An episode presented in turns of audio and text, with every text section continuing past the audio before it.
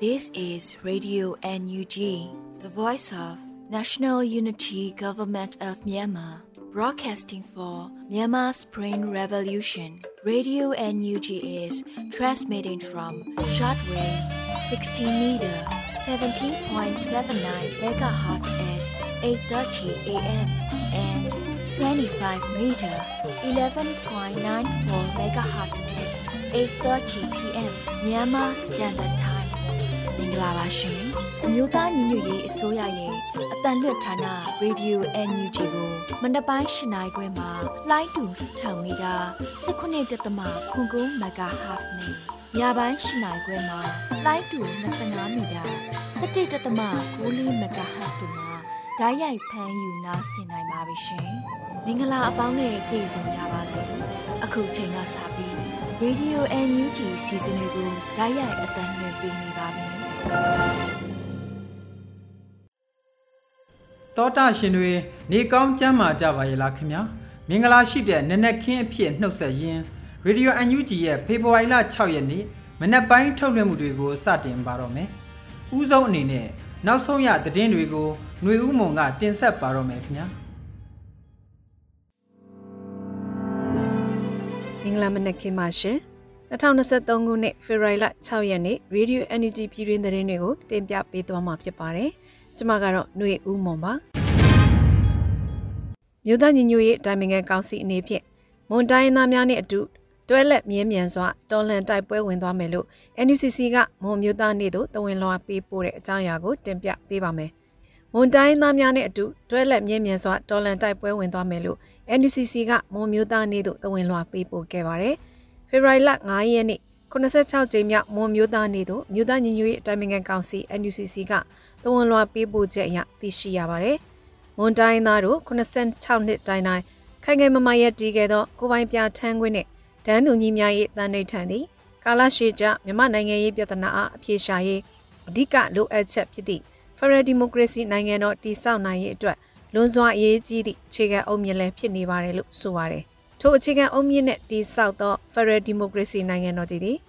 ဆီယနာရှင်စနစ်ပါဝင်အာဏာရှင်စနစ်မှန်သမျှမချုပ်ငိမ့်သ၍ထူထောင်နိုင်မည်မဟုတ်သလိုငြိမ်းချမ်းရေးနှင့်ဖွံ့ဖြိုးတိုးတက်ရေးအစစ်အမှန်သည်လည်းရရှိနိုင်မည်မဟုတ်ကြောင်းနှစ်90ကျော်ကြာနိုင်ငံရေးပြဿနာများကမိမောင်းထိုးပြလျက်ရှိပါတယ်။ထို့ကြောင့်လက်ရှိအချိန်တွင်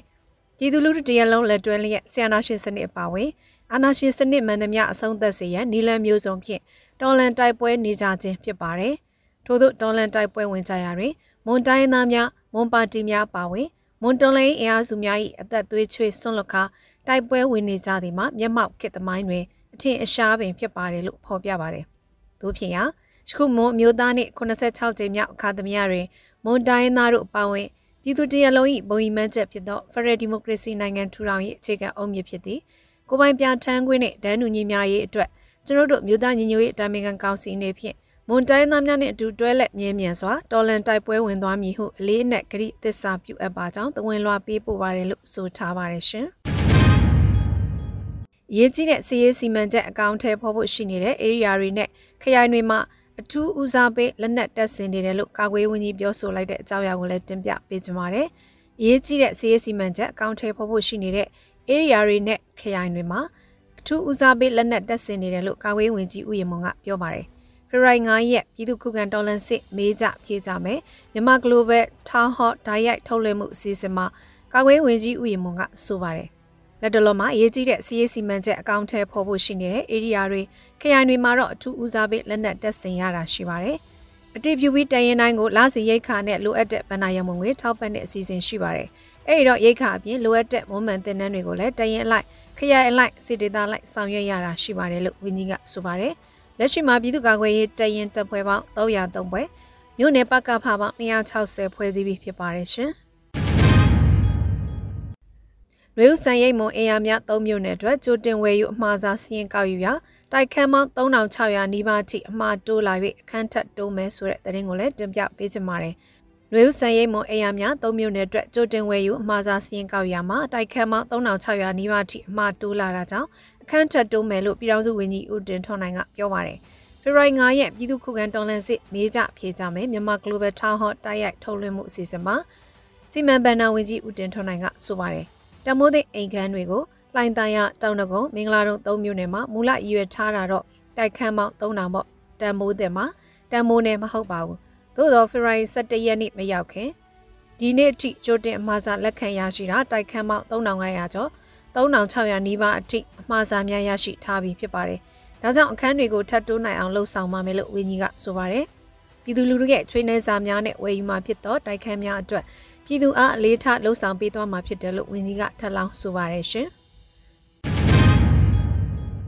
တနင်္သာရီမှာစီးရင်ရဆောင်ရွက်လို့ကျမကြီးရလိုအပ်လာရင်စောက်ရှောက်မှုပေးနိုင်အောင်စေယုံတီထားပေး၍ဒုက္ခဆရာဝန်များစစ်လွတ်ထားတယ်ဆိုတဲ့သတင်းကိုလည်းတင်ပြပေးပါမယ်။တနင်္သာရီမှာစီးရင်ရဆောင်ရွက်လို့ကျမကြီးရလိုအပ်လာရင်စောက်ရှောက်မှုပေးနိုင်ဖို့စေယုံတီထားပေးပြီးဒုက္ခဆရာဝန်များစစ်လွတ်ထားတယ်လို့ကျမကြီးဝန်ကြီးဌာနပြည်ထောင်စုဝန်ကြီးဒေါက်တာဇော်ဝေဆိုကဆိုပါတယ်။ဖေဖော်ဝါရီ9ရက်ကျင်းပတဲ့ပါဝင်လက်တွဲတနင်္သာရီအောင်ပွဲတတိယအကြိမ်ဥရောပဒေသဆိုင်ရာ fundraising အခမ်းအနားမှာကျမကြီးဝန်ကြီးဒေါက်တာဇော်ဝေဆိုကပြောပါတယ် တနင်္လာရီမှာစီးရဆောင်ရွက်လို့ကျမရေးရလိုအပ်လာရင်စောင့်ရှောက်မှုပေးနိုင်အောင်အရင်ကတည်းကပြင်ထားပါတယ်။ကျွန်တော်တို့စောင့်မဲ့စေယုံအားလုံး6ခုမှာတစ်ခုကတနင်္လာရီအတွက်စေယုံတယုံပါပါတယ်။ဒါအပြင်ခုနောက်ပိုင်းခွဲနိုင်စိတ်နိုင်အောင်အထူးခုအချို့လဲအဲ့ဒီကိုပို့နေတယ်လို့ဝင်းကြီးကဆိုပါတယ်။ဒါအပြင်စကောင်စီတက်များဟာလက်တလောလေးချောင်းကိုအသုံးပြုပြီးစေယုံများကိုဘုံကျဲတိုက်ခိုက်မှုတို့ရှိနေပြီးဆရာဝန်နဲ့သူနာပြုတွေကိုတပ်ဖြတ်နေကြောင်းကျမရေးထောက်လျှောက်ကုသပေးမှုကိုအထူးဂရုပြုနေရတယ်လို့ဝင်းကြီးကဆိုပါတယ်ရှင်။ တော်လေးပြီးဆုံးသည့်တိုင်အောင်အားလုံးစုစုစည်းစည်းဖြင့်ပါဝင်သွားရင်ပြည်ထောင်စုဝန်ကြီးတိုက်တွန်းတဲ့အကြောင်းအရာကိုလည်းတင်ပြပေးကြပါမယ်။တော်လေးပြီးဆုံးသည့်တိုင်အောင်အားလုံးစုစုစည်းစည်းနဲ့ပါဝင်သွားကြဖို့ပြည်ထောင်စုဝန်ကြီးခုထဲဘူးကဆိုပါတယ်။ဖေရိုင်9ရက်မြို့သားညီညွတ်ရေးအစိုးရဂျာကာလာဒေသန္တရပြည်သူ့အုပ်ချုပ်ရေးဖော်ဆောင်မှုဗဟိုကော်မတီနဲ့တနင်္သာရီတိုင်း AR တိုင်းပဲခူးတိုင်းပြည်သူ့အုပ်ချုပ်ရေးဖွဲ့များတွေ့ဆုံဆွေးနွေးပွဲမှာပြည်ထောင်စုဝန်ကြီးကဆိုပါတယ်။တော်လင်းကာလာတွင်ပေးဆက်၍တာဝန်ယူနေကြသူများအားလုံးကိုဂုဏ်ယူပါကြောင်း လက်ရှိနိုင်ငံအခြေအနေရအခက်အခဲများကြားမှပါဝင်လျက်ရှိသူအားလုံးကိုလည်းထထဝင်ဝင်မှတ်တမ်းတင်ထားရမည်ဖြစ်ကြောင်းရှေ့ဆက်ပြီးတော်လိန်ပြီးဆုံးသည့်တိုင်အောင်အားလုံးစုစုစည်းစည်းဖြင့်ပါဝင်သွားရန်ဖြစ်ကြောင်းမြေပြင်မှာဆောင်ရွက်နေကြသည့်အခြေအနေအခက်အခဲများကိုဆွေးနွေးကြပြီးကောင်းသောအကြံဉာဏ်ကောင်းသောအတွေ့အခေါ်များပေးကြရန်ဖြစ်ကြောင်းပြောကြားခဲ့ပါတယ်။ဆက်လက်ပြီးလျှက်စစ်နှင့်စွမ်းအင်ဝန်ကြီးဌာနနဲ့မြို့သမီးလူငန်းနဲ့ကလေးသင်ငယ်ရေးဝန်ကြီးဌာနတို့မှဌာနရဲ့အဖွဲ့အစည်းပုံလုပ်ငန်းဆောင်ရွက်ချက်များမူဝါဒနဲ့ထုတ်ပြန်ချက်တွေကိုရှင်းလင်းပြောကြားခဲ့ပြီးနောက် မြို့နယ်ပြည်သူ့အုပ်ချုပ်ရေးဖွဲ့ဝင်များမှမူဝါဒလက်ညွှန်ချက်များလုပ်ငန်းဆောင်ရွက်ချက်များမြေပြင်ခက်ခဲများနဲ့ပတ်သက်ပြီးသိရှိလိုသည့်များကိုအပြန်အလှန်ဆွေးနွေးခဲ့ကြပါသည်။တွဲဆုံပွဲသို့တူဝင်ကြီးခုထဲဘူးမှဦးဆောင်ကရဲရန်တူဝင်များဌာနဆိုင်ရာများမှတာဝန်ရှိသူများနဲ့တနင်္သာရီတိုင်း AR တိုင်းပဲခူးတိုင်းမှပြည်သူ့အုပ်ချုပ်ရေးဖွဲ့ဝင်များတက်ရောက်ခဲ့ကြပါရဲ့ရှင်။ပမောက္ခဒေါ်မီမီဝင်းဘတ်ကိုရီးယားသမ္မတနိုင်ငံဆိုင်ရာ Energy ကိုယ်စားလှယ်နဲ့တွေ့ဆုံတဲ့တဲ့ရင်ကိုဆက်လက်တင်ပြပေးပါမယ်။။ ဘာမခဒေါ်မီမီဝင်းဘတ်ဟာကိုရီးယားသမ္မတနိုင်ငံဆိုင်ရာ Energy ကိုယ်စားလှယ်နဲ့တွေ့ဆုံခဲ့ပါတယ်။ဖေဖော်ဝါရီ9ရက်ဆီယနာသိမ်းမှုစန့်ကျင်ရေးကော်မတီကိုရီးယားကအတည်ပြုဆိုပါတယ်။2023ခုနှစ်ဖေဖော်ဝါရီလ9ရက်တနင်္ဂနွေနေ့ကိုရီးယားဒေသစံတော်ချိန်နနက်7:00နာရီအချိန်မှာဘာမခဒေါ်မီမီဝင်းဘတ်ဟာပြည်ထောင်စုသမ္မတမြန်မာနိုင်ငံတော်မြို့သားညီညွတ်ရေးအစိုးရ NUG ရဲ့ကိုရီးယားသမ္မတနိုင်ငံဆိုင်ရာကိုယ်စားလှယ်ရုံးကိုလာရောက်ပြီးကိုယ်စားလှယ်ဥယျာဉ်တိုင်းထွန်းနဲ့လာရောက်တွေ့ဆုံခဲ့တယ်လို့ဆိုပါတယ်။အဲ့လိုတွေ့ဆုံစေ လက်ရှိမြန်မာနိုင်ငံအရေးအခြေအနေနဲ့ဆက်လင်းပြီးဆွေးနွေးခဲ့ကြပါတယ်။အဲဒီနောက်ပမခဒေါ်မီမီဝင်းဘတ်နဲ့ကိုရီးယားနိုင်ငံရောက်မြန်မာမိသားစုများတွေ့ဆုံပွဲကိုဒီမိုကရက်တစ်လုံသမားသမဂ္ဂခမ်းမဆောင်မှာနေ့လယ်တနာရီအချိန်မှာပြုလုပ်ပြီးမြန်မာနိုင်ငံရေးဆိုင်ရာကိစ္စရပ်များကိုအပြန်အလှန်ဆွေးနွေးခဲ့ကြတယ်လို့သိရပါတယ်ရှင်။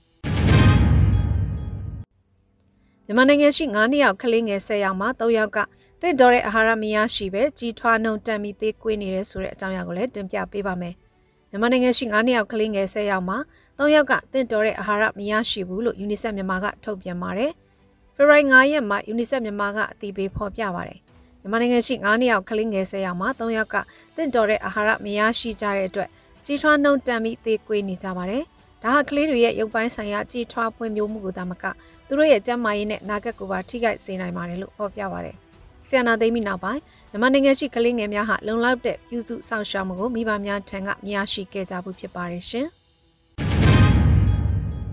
နွေဦးအောင်လန်လွှင့်တင်ဖို့ Federal Drone တွေဝဲပြန်စုကမ်ပိန်းမှာစုစုပေါင်း American Dollar 3သိန်းကျော်ရရှိတဲ့တဲ့ရင်ကိုလည်းတင်ပြပေးကြပါမယ်။နွေအောင်လန်လွှင့်တင်ဖို့ Federal Drone တွေဝဲပြန်စုကမ်ပိန်းမှာစုစုပေါင်း American Dollar 3သိန်းကျော်ရရှိခဲ့တယ်လို့သတင်းရရှိပါတယ်။ဖေဖော်ဝါရီ9ရက်နေ့မှာနွေဦးအောင်လန်ကအတည်ပြုဆိုပါတယ်။နွေဦးအောင်လန်လွှင့်တင်မှု Federal Drone တွေဝယ်ပြန်စုကမ်ပိန်းမှာစု စုပေါင်း American Dollar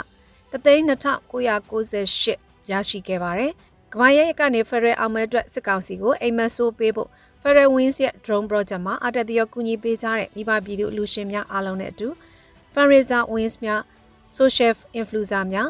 မြေပြင်ရဲဘော်များမီဒီယာများအားလုံးကိုထူးပဲကျေးဇူးတင်ရှိပါတယ်လို့ဆိုပါတယ်။ ရွေးအောင်လိုင်းကမ်ပိန်းဟာနိုင်ငံတော်ဝန်ကပြည်သူ့ကာကွယ်ရေးတပ်ဖွဲ့များကို Federal Wings မှ drone နည်းပညာရထောက်ပံ့ကူညီပေးနိုင်တဲ့ UAB ပြုလုပ်တဲ့ fundraising campaign ဖြစ်ပါတယ်ရှင်။စကိုင်းတိုင်းစားတောင်မြို့ပေါ်တွင်စကောင်စီနဲ့ပေါင်းပြီးဂျင်းဝိုင်းလက်ခံနေတဲ့သတင်းပေးကိုဝင်ရောက်ပစ်ခံရဒုဗိုလ်အပါဝင်6ဦးသေဆုံးပြီးတနက်တလက်သိမ်းဆဲရမိတဲ့သတင်းကိုတင်ပြပေးကြပါမယ်။စကိုင်းတိုင်းစားတောင်မြို့ပေါ်မှာစကောင်စီနဲ့ပေါင်းပြီးဂျင်းဝိုင်းလက်ခံနေတဲ့သတင်းပေးကိုဝင်ရောက်ပစ်ခတ်ရမှာ နှစ်ပွင့်ဒုဗိုလ်အပါဝင်6ဦးသေဆုံးပြီးတနက်တလက်သိမ်းဆဲရမိခဲ့ပါတယ်။ဖေဖော်ဝါရီ9ရက်မွန်းတက်12နာရီအချိန်စစ်စင်ရေးဆောင်ရွက်ခဲ့တယ်လို့မြေရောက်လျက်စီပျောက်ကြားတပ်ဖွဲ့ကအသိပေးဆိုပါတယ်။စကိုင်းတိုင်းစားတော်မြို့ပေါ်တွင်စစ်ကောင်စီနှင့်ပေါင်းပြီးကျင်းဝိုင်းလက်ခံနေသည့်ဒလန်လင်မြဦးစိန်ထွန်းဒေါ်သိန်းကြီးတို့ရဲ့နေအိမ်တွင်မှမြောက်လျက်စီပျောက်ကြားတပ်ဖွဲ့မှဖေဖော်ဝါရီ9ရက်12နိုင်ကမှဝင်ရောက်ပစ်ခတ်ခဲ့ရာကားရင်းမှာထိုင်နေတဲ့နှစ်ပွင့်ဒုဘိုမျိုးထွန်းသိန်းနဲ့ကျင်းဝိုင်းနေရာမှာပြဝင်ရောက်ပစ်ခတ်ခဲ့တယ်လို့ဖော်ပြပါတယ် ပစ်ခတ်မှုကြောင့်ဒလန်လင်မြဦးစိန်ထွန်းဒေါ်သိန်းကြီးနဲ့စစ်ကောင်စီတပ်သား3ကြာဆုံးပြီးစုစုပေါင်းကြာဆုံးသူနှစ်ပွင့်ဒုဘိုအပါဝင်6ဦးကြာဆုံးပြီးဒုဘိုစီမှ6လုံးပြူအတူတလက်သိမ်းဆဲရမိခဲ့တယ်လို့ဆိုပါတယ်ရှင်။မန်လေးမြို့အာမီတာဆန်မြို့နယ်26လက်83လက်နဲ့84လမ်းကြားရှိအင်းဝဘန်ရဲကင်းပုံပစ်ခံရတဲ့တဲ့ရင်ကိုတင်ပြပေးပါမယ်။မန်လေးမြို့အာမီတာဆန်မြို့နယ်26လမ်း83လမ်းနဲ့84လမ်းကြားရှိအင်းဝဘန်ရဲကင်းပုံပစ်ခံခဲ့ရပါတယ်။ ဖေဖော်ဝါရီ9ရက်မှာအောင်စီတော်စစ်စေးကို ASDMDY ကအတိပေးဖော်ပြပါတယ်။ဖေဖော်ဝါရီ9ရက်မန္တလေးမြို့အာမီတာဆန်မြို့နယ်26လမ်း83လမ်းနဲ့84လမ်းကြားရှိအင်းဝဘဲရဲကင်းတွင်ကျွန်ုပ်တို့အောက်စီရောစစ်စင်ရင် ASDMD1 ကဘုံသွင်းတိုက်ခိုက်ခဲ့တယ်လို့ဆိုပါတယ်။လက်တလောစစ်ကောင်စီတပ်များထိခိုက်မှုရှိမရှိအတည်ပြုစုံစမ်းနေဆဲဖြစ်ပါတယ်ရှင်။တနင်္သာရီမြို့နယ်မြို့သားညီညွတ်ရေးအစိုးရထိန်းချုပ်နယ်မြေအတွင်းရှိ တနင်္သာရီမြို့ကျောင်းအတွင်းစစ်တပ်လေးဖြင့်တင်ဆောင်လာတဲ့ဘိန်းစာမုတ်3500အားဖမ်းဆီးရမိပြီးမြစ်ထဲမှာဖျက်ဆီးတဲ့တဲ့ရင်ကိုဆက်လက်တင်ပြပေးပါမယ်။တနင်္သာရီမြို့နယ်မြို့သားညီညွတ်ရေးအစိုးရထိန်းချုပ်နယ်မြေအတွင်းရှိတနင်္သာရီမြို့ကျောင်းအတွင်းစစ်တပ်လေးနဲ့တင်ဆောင်လာတဲ့ဘိန်းစာမုတ်3500တရားကိုဖမ်းဆီးရမိတာကြောင့်မြစ်ထဲမှာဖျက်ဆီးခဲ့တယ်လို့သိရပါတယ်။ဖေဖော်ဝါရီ9ရက်မှာတနင်္သာရီပြည်သူ့ကာကွယ်ရေးတပ်ဖွဲ့ကအသိပေးပေါ်ပြပါတယ်။တနင်္သာရီမြို့နယ်မြို့သားညီညွတ်ရေးအစိုးရထိန်းချုပ်နယ်မြေအတွင်းရှိတနင်္သာရီမြို့ကျောင်းအတွင်းစစ်တပ်လေးဖြင့်တင်ဆောင်လာသော ဘိန်းစာမုတ်3500တရားတုပ်အားဇန်နဝါရီ30ရက်နေ့9:45မိနစ်အချိန်မှာဖမ်းဆီးရမိခဲ့တယ်လို့ဆိုပါတယ်။ဖမ်းဆီးရမိတဲ့၎င်းဘဲဆောင်မှု3500တုပ်ကိုဖေဖော်ဝါရီလရက်နေ့မှာပြည်သူ့အုပ်ချုပ်ရေးအဖွဲ့ပြည်သူ့လုံခြုံရေးအဖွဲ့နဲ့ပြည်သူ့ကာကွယ်ရေးပူးပေါင်းဖွဲ့များမှမြေချောင်းနဲ့ဖောက်ချဖျက်ဆီးခဲ့တယ်လို့ဆိုထားပါတယ်ရှင်။ခုတင်ပြခဲ့တဲ့သတင်းတွေကို Radio NUG သတင်းတောက်မင်းမင်းကပေးပို့ထားတာဖြစ်ပါတယ်ရှင်။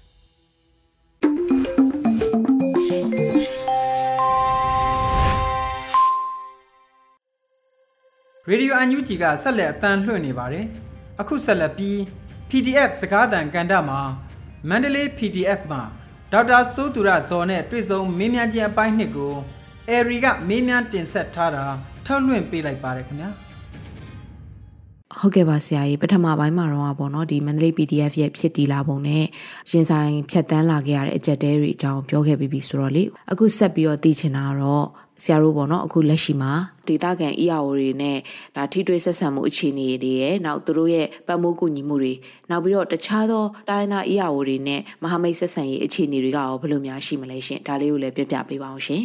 ကျွန်တော်တို့ အားလုံးဟာအယက်သားဘဝကနေလာခဲ့ကြတဲ့လူတွေဖြစ်တဲ့အတွက်ကြောင့်မလို့လက်နက်ကင်တော်လှန်ရေးလမ်းစဉ်နဲ့တော်တော်မှကိုအလန်းဝေးပါတယ်ဒီအတွက်ကြောင့်မလို့အတွေ့အကြုံရင့်ကျက်သောအရေးအချင်းပြေဝသောတိုင်းရင်းသားတော်လှန်ရေးဖွဲ့အစည်းများတိုင်းရင်းသားတော်လှန်ရေးခေါင်းဆောင်များရဲ့ကူညီဖေးမမှုများနဲ့အားပေးကူညီမှုများဟာကျွန်တော်တို့အတွက်အဖို့မပြတ်နိုင်တဲ့သင်ခန်းစာများပညာများအတွေ့အကြုံခေါင်းများကိုရရှိစေခဲ့တာဖြစ်ပါတယ်ယခုလက်ရှိအနေအထားမှာလည်းတိုင်းရင်းသားတော်လှန်ရေးအဖွဲ့အစည်းတွေရဲ့အပြည့်အဝအားပေးကူညီမှုကျွန်တော်တို့ရရှိခဲ့ပါတယ်အဲ့တော့သူတို့ရဲ့အားပေးကူညီမှုဆိုတဲ့နေရာမှာ တိုင်းရင်းသားတော်လှန်ရေးအဖွဲ့အစည်းများဟာ၎င်းတို့ရဲ့ပင်မတမိုင်းဘေးတာဝန်အမျိုးသားရေးတာဝန်တွေကိုထမ်းဆောင်နေရင်းကနေပြီးတော့မှဒါကျွန်တော်တို့ရဲ့ဘုံရန်သူလဲတူတဲ့စကားစကိုတိုက်ခိုက်ဖြိုခွင်းတဲ့နေရာမှာဒီຫນွေဥတော်လန်ရေးမှာ၎င်းတို့ရဲ့တမိုင်းဘေးတာဝန်အပြင်ခစ်ပြန်တမိုင်းရဲ့တောင်းဆိုမှုတွေကိုလည်းတတ်နိုင်သလောက်အပိကူညီကြတာကိုတွေ့ရပါတယ်လက်ရှိကျွန်တော်တို့ကိုလက်ခံထားတဲ့အပိကူညီနေတဲ့တိုင်းရင်းသားတော်လှန်ရေးအဖွဲ့အစည်းတစုံလုံးအနေနဲ့ရောလူပုဂ္ဂိုလ်တဦးတယောက်ချင်းစီအနေနဲ့ရောစစိတ်ရောကိုယ်ပါအားတဲ့တရောအားပေးကူညီမှုဝိုင်းဝန်းကူညီမှုတွေကိုကျွန်တော်တို့တွေ့ကြုံခဲ့ရပါတယ်ခင်ဗျဟုတ်ကဲ့ပါဆရာအခုပေါ့နော် NUG ရဲ့ one year plan မှာရောဆရာတို့ Mandalay PDF အနေနဲ့ဘယ်လိုမျိုးတွေပါဝင်လှုပ်ဆောင်သွားမလဲဆိုတာကိုလည်းဆရာပြပြလို့ရတဲ့လောက်ပြပြပေးပါအောင်ရှင် NUG ရဲ့ one year plan ပေါ့နော်အဲ့တော့ one year plan ဆိုတာတော့ကျွန်တော်တို့အသေးစိတ်ပြောလို့တော့မရပါမယ်နားလည်အောင်ပြောရမယ်ဆိုလို့ရှိရင်တော့စစ်တူရင်ကစားကြတယ်လို့ပေါ့အချိန်တိုင်းတာတစ်ခုထိ ကစားပြီးသွားတဲ့အခါမှာ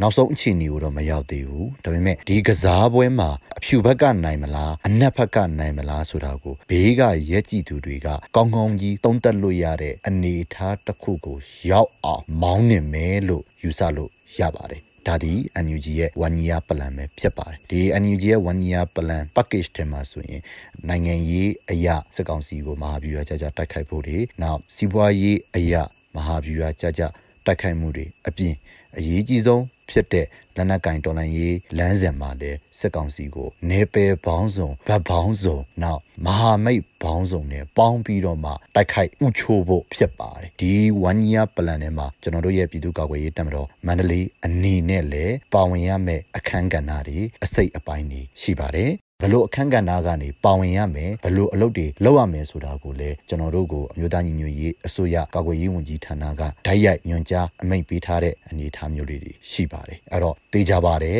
2023ခုနှစ်ဟာတော်နိုင်ရင်အင်အားစုများအတွက်အင်မတန်မှကိုအလုပ်လုပ်ရမယ်အလုပ်နှစ်တစ်ခုလို့ပြောမယ်ဆိုလို့ရှိရင်မှားမှာမဟုတ်ပါဘူးတဖန်ကျွန်တော်တို့ရဲ့ရန်သူစကားစကားလည်းဒီ2023ခုနှစ်အတွင်းမှာတို့ရဲ့နိုင်ငံရေးထွက်ပေါက်အနေနဲ့တဖန်နိုင်ငံရေး ခဝါချမှုအနေနဲ့အတူအယောင်ရွေးကောက်ပွဲကိုကျင်းပပြီးတော့မှနိုင်ငံတကာအလယ်မှာတရားဝင်မှုရယူဖို့ရအတွက်ကိုအာတုံကွန်ဆိုင်စ조사လာတာကိုတွေ့ရပါတယ်အဲ့တော့စစ်ကောင်စီရဲ့နိုင်ငံရေးခဝါချမှုနဲ့နိုင်ငံရေးထွက်ပေါက်တစ်ခုကိုမပေးဘဲနဲ့ကျွန်တော်တို့ဟာနိုင်ငံရေးအရာရောစီရေးအရာရောဗတ်ဘောင်းဆောင်ကနေပြီးတော့မှအပြင်းအထန်ထိုးနှက်တိုက်ခိုက်ရမယ့်အနေအထားတစ်ခုကိုရောက်ရှိနေပါပြီ2023 one year plan အတော်တည်းမှာ ပြည်သူ့ကာကွယ်ရေးတပ်မတော်မန္တလေးအနေနဲ့လည်းအဲပေးအပ်တဲ့တာဝန်တွေကိုဥလက်မတုံကြိုးပမ်းထမ်းရွက်သွားမှာလို့ပြောကြားလိုပါတယ်ဟုတ်ကဲ့ပါရှင်အခုပေါ့နော်ဒါပြည်သူလူထုတွေနဲ့ຫນွေဦးတော်လှန်ရေးအားစုတွေအနေနဲ့လည်းအခုလာမဲ့ပွင့်လင်းရသည့်အတွက်ကိုဘာတွေပြင်ဆင်ဆောင်ရွက်ကြရမယ်ဆိုတဲ့သတင်းစကားကိုလည်းပြောပြပါအောင်ရှင်ရှေ့မှာပြောခဲ့သလိုပါပဲ2023ခုနှစ်တည်တော်လှန်ရေးအတွက်အင်ပဒမကိုအရေးကြီးတဲ့နှစ်တစ်နှစ်ဖြစ်ပါတယ်အလုံးနှစ်လို့ပြောလို့ရပါတယ် ကျွန်တော်အနေနဲ့ကတော့အလုံးနှစ်လို့တင်စားခေါ်ဝေါ်ခြင်းပါတယ်စစ်ကောင်စီအတွက်လည်းကြကုတ်ကြခဲခုခံကာကွယ်ရမယ့်နှစ်ဖြစ်တယ်လို့ကျွန်တော်တို့တော်လိုင်းအင်အားစုတွေဘက်ကလည်းအသေးအတန်ကိုမီးကုံရန်ကုံအစွမ်းကုံဖွင့်တိုက်ရမယ့်အနေအထားမျိုးတစ်ခုဖြစ်ပါတယ်ဒီအတွက်ကြောင့်မလို့ကျွန်တော်တို့တော်လိုင်းအင်အားစုတင်မကပဲနဲ့ပြည်သူလူထုတရက်လုံးကလည်းဒီ2023ခုနှစ်ကိုအားကုန်ယုံကြဖို့ဖြစ်ပါတယ်ပြီးခဲ့တဲ့2021ခုနှစ်2022ခုနှစ်အတော်အတွင်းမှာ ကျွန်တော်တို့စိုက်ခဲ့သမျှအပင်တွေကိုပြန်လဲရိတ်သိမ်းရမယ့်အချိန်ရောက်ပါပြီကျွန်တော်တို့ထဲခဲ့ရသမျှအရင်အနည်းတွေခွန်အားတွေအတွက်ကိုပြန်လဲပြီးတော့မှအမျက်ပြန်ယူရမယ့်အချိန်ကိုရောက်နေပြီလို့ဆိုလိုချင်ပါတယ်ဒါကြောင့်မလို့တတန်တဲ့ညီတချီတဲ့ယုံကြဖို့ရအတွက်ကြည်သူလူထုအားလုံးဘက်ကနေပြီးပြင်ဆင်ထားကြဖို့ရအတွက်ကိုတိုက်တွန်းလို့ဆိုလိုပါတယ်ဟုတ်ကဲ့ပါဆရာအခုဆိုရင်လည်းဒါဟာတော်တော်လေးပြည့်ပြည့်စုံစုံဖြစ်လာပြီဆိုတော့ဆရာအနေနဲ့ထပ်မံဖြည့်ဆွက်ပြီးတော့ပြောချင်တဲ့အကြောင်းအရာတွေရှိလို့ရှိရင်လည်းပြောပေးပါအောင်ရှင်။ ကျွန်တော်တို့မြန်မာနိုင်ငံမှာနှစ်ပေါင်းများစွာမဖြေရှင်းနိုင်ခဲ့တဲ့ပြဿနာရင်းမြစ်နှစ်ခုရှိပါတယ်ပထမတစ်ခုကတော့ဒီမိုကရေစီစိတ်သုံးမှုပြဿနာဖြစ်ပါတယ်နံပါတ်2အနေနဲ့ကတော့အမျိုးသားတန်တူရေးသို့မဟုတ် Federal မရရှိခြင်းစစ်မှန်တဲ့ Federal မရှိခြင်းဖြစ်ပါတယ်ဒီပြဿနာရင်းမြစ်နှစ်ခုကြောင့်မို့လို့မြန်မာနိုင်ငံမှာစစ်တပ်ရဲ့အခမ်းကဏ္ဍကပုံမိုကျေပြန့်လာပြီးတော့မှဒီနေ့ဒီအချိန်မှာစစ်တပ်ရဲ့ဗိုလ်ကျစိုးမိုးချေလည်မှုကိုကျွန်တော်တို့ခံရခြင်းဖြစ်ပါတယ် ဒါကြောင့်မလို့ဒီခုလက်ရှိကျွန်တော်တို့ရဲ့ຫນွေဦးတော်လှန်ရေးဒီအကြမ်းဖက်စစ်တပ်ကိုအမြင့်ပြတ်ဖြိုချတိုက်ဖျက်ရုံနဲ့မပြီးပါဘူးကျွန်တော်တို့သွားရမယ့်လန်ခီဒီပန်းတိုင်ဒီ Federal Democracy ပန်းတိုင်ဖြစ်ပါတယ်အဲ့တော့ Democracy စိတ်သုံးမှုပြဿနာနဲ့အမျိုးသားဒန်းတူရေးပြဿနာနှစ်ခုကိုဖြေရှင်းနိုင်မှသာလျှင်မြန်မာနိုင်ငံမှာအချင်းချင်းအဖန်ဖန်ဖြစ်ပျက်နေတဲ့စိုးကြောတန်တရားတွေကနေပြီးမြန်မာနိုင်ငံကိုဆွဲထုတ်နိုင်မှာဖြစ်ပါတယ် ဒါကြောင့်မလို့အကြံဖက်စစ်တပ်ကိုဖြိုချယုံနဲ့ကျွန်တော်တို့ရဲ့ဒေါ်လာရေးပန်းတိုင်ကဂိတ်ဆုံးမှာမဟုတ်ပါဘူးအဲ့တော့အကြံဖက်စစ်တပ်ကိုဖြိုခွင်းဖယ်ရှားခြင်းသည်ကျွန်တော်တို့သွားမဲ့လမ်းကြောင်းကျွန်တော်တို့သွားကြတဲ့ Federal Democracy ဆိုတဲ့ပန်းတိုင်ကိုသွားရလမ်းကြောင်းမှာပိတ်ဆို့နေတဲ့ခလုတ်ကတင်ကိုဖယ်ရှားခြင်းတစ်ခုပဲဖြစ်ပါတယ်အဲ့တော့အကြံဖက်စစ်တပ်ကိုမဖယ်ရှားဘဲနဲ့လေကျွန်တော်တို့သွားကြတဲ့ပန်းတိုင်ကိုမရောက်နိုင်ပါဘူးအကြံဖက်စစ်တပ်ကိုဖယ်ရှားယုံနဲ့လေကျွန်တော်တို့ရဲ့ပန်းတိုင်ကိုရောက်ပြီလို့လည်းမဆိုလိုနိုင်ပါဘူး ဒါပေမဲ့အကြံဖက်စစ်တပ်ကိုတော့မဖြစ်မနေကျွန်တော်တို့ဖယ်ရှားပြီးမှသာလျှင်ကျွန်တော်တို့သွားခြင်းတဲ့လမ်းကြောင်းကိုဖြောင်းဖြောင်းတန်တန်သွားနိုင်မှာဖြစ်ပါတယ်ဒီအတွက်ကြောင့်မလို့အကြံဖက်စစ်တပ်ကိုအမြင့်ကနေစပြီးတူးထုတ်နေတာဖယ်ရှားနေတာဖြစ်တဲ့အတွက်ကြောင့်မလို့ကျွန်တော်တို့မှာခွန်အားတွေအားစိုက်ထုံမှုတွေထဲ့ဝင်မှုတွေအများကြီးလိုအပ်ပါတယ် ဒီရဲ့ခွန်အားတွေထည့်ဝင်မှုတွေအတွက်ပြည်သူလူထုရဲ့အားပေးထောက်ခံမှုပြည်သူလူထုရဲ့မလျှော့သောဇွဲလုံးလာနဲ့ဆက်လက်ပါဝင်မှုတွေအများကြီးလိုအပ်ပါတယ်ကျွန်တော်တို့ရဲ့တော်လှန်ရေးခရီးဒီဒီနေ့ဒီအချိန်ထိဒီနေရာကိုရောက်လာခဲ့တာဟာပြည်သူလူထုရဲ့အားစိုက်ပါဝင်မှုကြောင့်ပဲရောက်ရှိခဲ့တာဖြစ်ပါတယ်ဒါကြောင့်မလို့ပြည်သူလူထုအနေနဲ့လည်းရှေ့နှစ်နှစ်ကကာလမှာထည့်ဝင်ခဲ့တဲ့ခွန်အားတွေနဲ့အရင်းနှီးတွေအတွက်ကျွန်တော်တို့ပြန်လည်ပြီးတော့မှအမျက်တောင်းရမယ့်အချိန်အခါကိုရောက်နေပြီလို့ဆိုလိုချင်ပါတယ်ကျွန်တော်တို့ထည့်ဝင်ခဲ့တဲ့ခွန်အားတွေအလဟတ်တအချင်းဒီမဖြစ်ရလေအောင်လာမယ့်2023ခုနှစ်မှာအားစိုက်ပြီးဆက်လက်ယုံကြဖို့ရအတွက်တိုက်တွန်းလို့ဆိုလိုပါတယ်ဟုတ်ကဲ့ပါဆရာကြီးအခုလိုမျိုး Radio NUG အတွက်အချိန်ပေးပြီးဖြေချပေးတဲ့အတွက်ဆရာကိုအထူးပဲကျေးဇူးတင်ပါတယ်ရှင်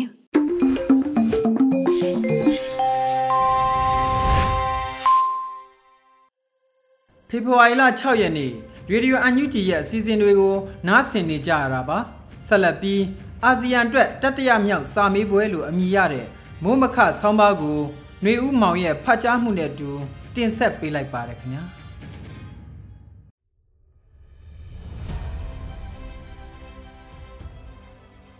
မြန်မာနိုင်ငံမှာနိုင်ငံရေးအချက်အတဲနဲ့စတင်ကြုံတွေ့နေရစဉ်ကစတွက်ရင်ယခုနှစ်နှစ်ပြည့်ပြီးချိန်မှာအာဆီယံအလှည့်ကျဥက္ကဋ္ဌအဖြစ်တတိယမြောက်နိုင်ငံတာဝန်ယူတဲ့ကာလ၃နှစ်မြောက်ထဲကိုဝင်ရောက်လာပြီဖြစ်ပါတယ်။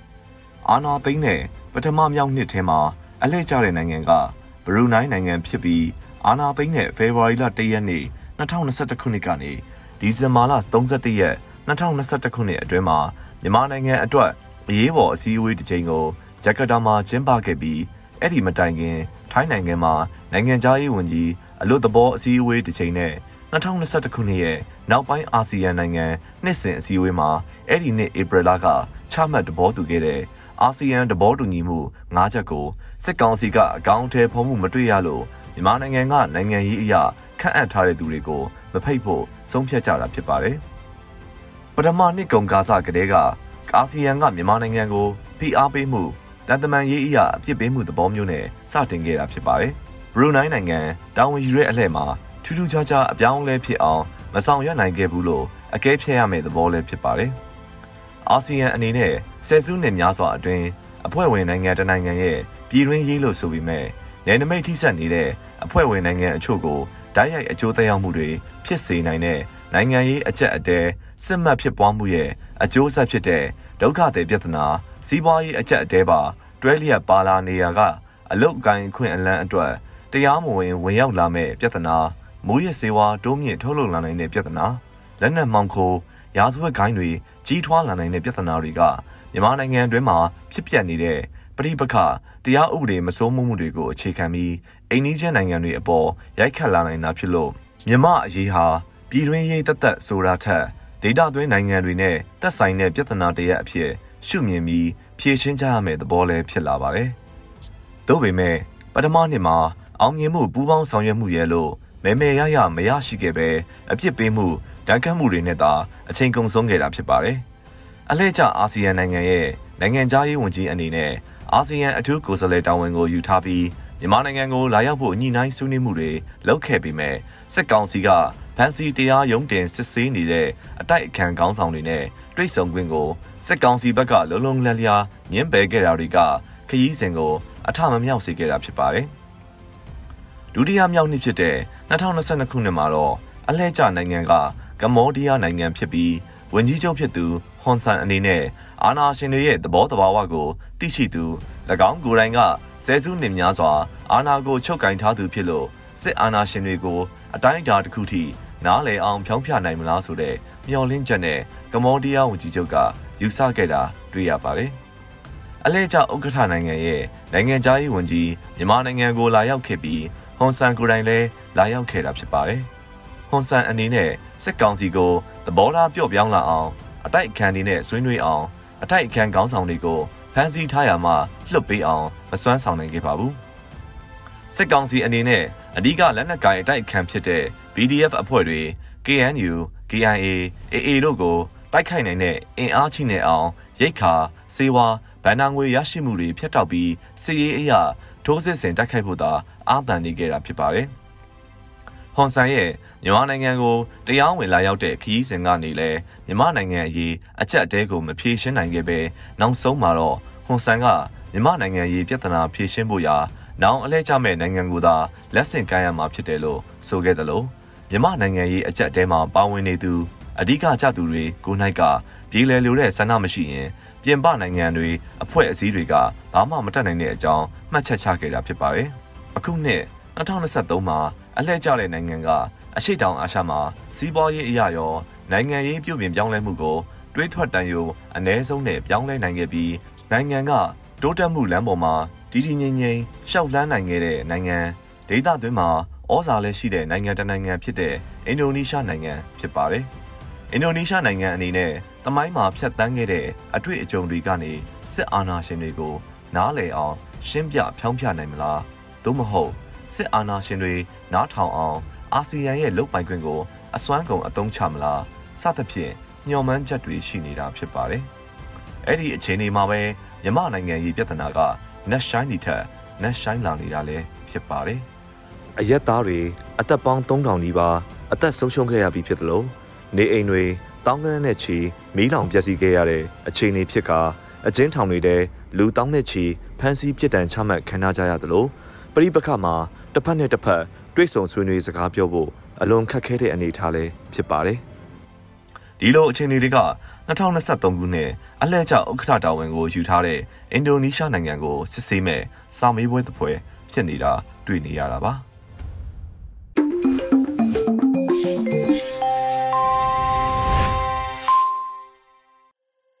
တောတာရှင်များခင်ဗျာအခုနောက်ဆုံးအစီအစဉ်အနေနဲ့ ပြည်သူခုခံစစ်တည်င်းများကို အောင်ຫນွေဦးကတင်ပြပေးပါတော့မယ်ခင်ဗျာ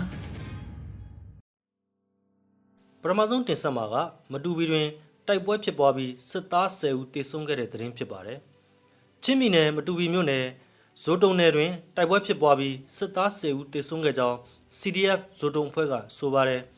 ဖေဖော်ဝါရီလ4ရက်နေ့တွင်မတူပီမြို့နယ်ဇိုတုံနယ်၌ကျမ်းပတ်စစ်တပ်နှင့် CDF ဇိုတုံတပ်ဖွဲ့တို့တင်စီရွာနှင့်ထော်လန်ရွာအကြားတွင် ထိတွေ့တိုက်ပွဲဖြစ်ပွားခဲ့ပြီးစစ်သား10ဦးတေဆုံးခဲ့က9ဦးထိခိုက်ဒဏ်ရာရရှိခဲ့ကြောင်းသိရပါတယ်။ဆက်လက်တင်ဆက်မှာကမုံရွာမြို့ပေါ်ရှိနောက်မြောက်ပိုင်းတိုင်းစစ်ဌာနချုပ်ကိုရှော့တိုက်တုံးလေးလုံးဖြင့်ပစ်ခတ်ခဲ့တဲ့တဲ့ရင်ကိုတင်ဆက်ပါမယ်။ကျန်းဖက်စစ်ကောင်စီကစကိုင်းတိုင်းအတွင်းတွင်စစ်အုပ်ချုပ်ရေးကြီးညာပြီးနောက်မုံရွာမြို့ပေါ်ရှိနောက်မြောက်တိုင်းစစ်ဌာနချုပ်ကိုယနေ့နံနက်ပိုင်းတွင်ရှော့တိုက်တုံးလေးလုံးဖြင့်ပစ်ခတ်တိုက်ခတ်ခဲ့ကြောင်း တော်လိုင်းတပ်ဖွဲ့များထံမှသိရပါတယ်။ဖေဖော်ဝါရီလ9ရက်နေ့နနက်3နာရီချိန်နောက်မြောက်တိုင်းစစ်ဌာနချုပ်ရုံးထဲသို့ရှော့တိုက်တုံးလေးလုံးပစ်ခတ်ခဲ့ပြီးထိခိုက်တော့မသိရသေးဘူးလို့တော်လိုင်းတပ်ဖွဲ့များကဆိုပါတယ်။နောက်ဆုံးအနေနဲ့ရွှေဘိုမန္တလေးလမ်းမိုင်းတွင်စစ်သားများလိုက်ပါလာသည့်စနဘီကာမိုင်းဆွဲတိုက်ခိုက်ခံရတဲ့တဲ့ရင်ကိုတင်ဆက်ပါမယ်။မန္တလေးတိုင်းရွှေဘိုမန္တလေးလမ်းမိုင်းတွင်စစ်သားများလိုက်ပါလာသည့်စနဘီကာကိုနှစ်ကြိမ်မိုင်းဆွဲတိုက်ခတ်မှု9ဦးခန့်တေဆုံးခဲ့ကြောင်း Buffalo Soldier Freedom Force SBDLF ထံမှသိရပါတယ်။ဖေဖော်ဝါရီလ4ရက်နနက်၈နာရီခန့်တွင်ရွှေဘိုမန္တလေးလမ်းမိုက်၌ဝက်လက်မြို့နယ်စိုင်နိုင်ကွေ့မှရွှေဘိုသို့ထွက်ခွာလာသောစစ်သားများလိုက်ပါလာသည့်စနပိကာအဖြူအောင်တစည်းကိုစိုင်နိုင်ကြီးနှင့်စိုင်နလေးရွာကြားတွင်ဒေသခံကာကွယ်ရေးတပ်ဖွဲ့များကမိုင်းဆွဲတိုက်ခတ်ခဲ့ပြီးစစ်သား9ဦးသေဆုံးခဲ့တယ်လို့မျက်မြင်တပ်တွေကဆိုပါတယ်ခင်ဗျာ။ ဒီကနေ့ကတော့ဒီညနေပဲ Radio NUG ရဲ့အစီအစဉ်လေးကိုခေတ္တရ延လိုက်ပါမယ်ရှင်မြန်မာစံတော်ချိန်မနေ့၈နိုင်ခွဲနဲ့ည၈နိုင်ခွဲအချိန်တွေမှာပြောင်းလဲဆိုပြကြပါလို့ရှင် Radio NUG ကိုမနေ့ပိုင်း၈နိုင်ခွဲမှာလိုင်းတူ16မီတာ19.7မဂါဟတ်နဲ့ညပိုင်း၈နိုင်ခွဲမှာလိုင်းတူ25မီတာ17.6မဂါဟတ်တို့မှာဓာတ်ရိုက်ဖမ်းယူ နားဆင်နိုင်ပါပြီရှင်။မြန်မာနိုင်ငံသူနိုင်ငံသားများကိုစိတ်နှဖျားစမ်းမချမ်းသာလို့ဘေးကင်းလုံခြုံကြပါစေလို့ Radio NUG ရဲ့ဖွဲ့သူဖွဲ့သားများကဆုတောင်းလိုက်ရပါတယ်။ San Francisco Bay Area အခြေစိုက်မြန်မာမိသားစုများနဲ့နိုင်ငံတကာကစေတနာရှင်များလို့အားပေးမြရဲ့ Radio NUG ဖြစ်ပါတယ်ရှင်။အရေးတော်ပုံအောင်ရမည်။